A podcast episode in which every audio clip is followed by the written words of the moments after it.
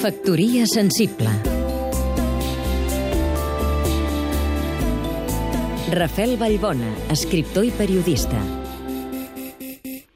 Enguany, la Generalitat destina 69.485 euros a ajudar a 29 escriptors, traductors i investigadors a tirar endavant sengles projectes literaris, mentre que, per la seva banda, subvenciona amb 299.723 euros sis associacions d'escriptors de les anomenades professionals.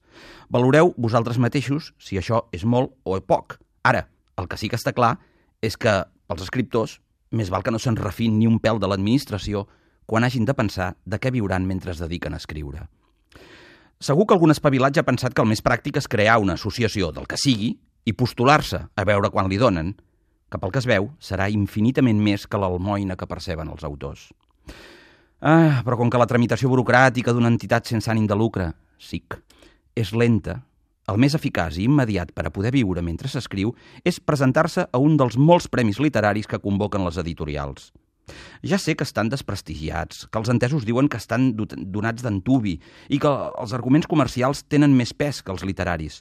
Només faltaria que no ho tinguessin present si s'hi juguen els seus calés, oi, les editorials? Però difonen abastament les obres, acosten l'escriptor a nous lectors i li donen uns diners que, francament, són bons per anar tirant, que els bancs, encara que voltes i vulguin posar molta poesia barata a la seva obra benèfica, no en saben res de literatura.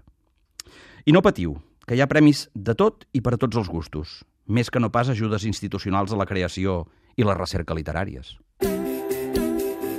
Factoria sensible Seguim-nos també a catradio.cat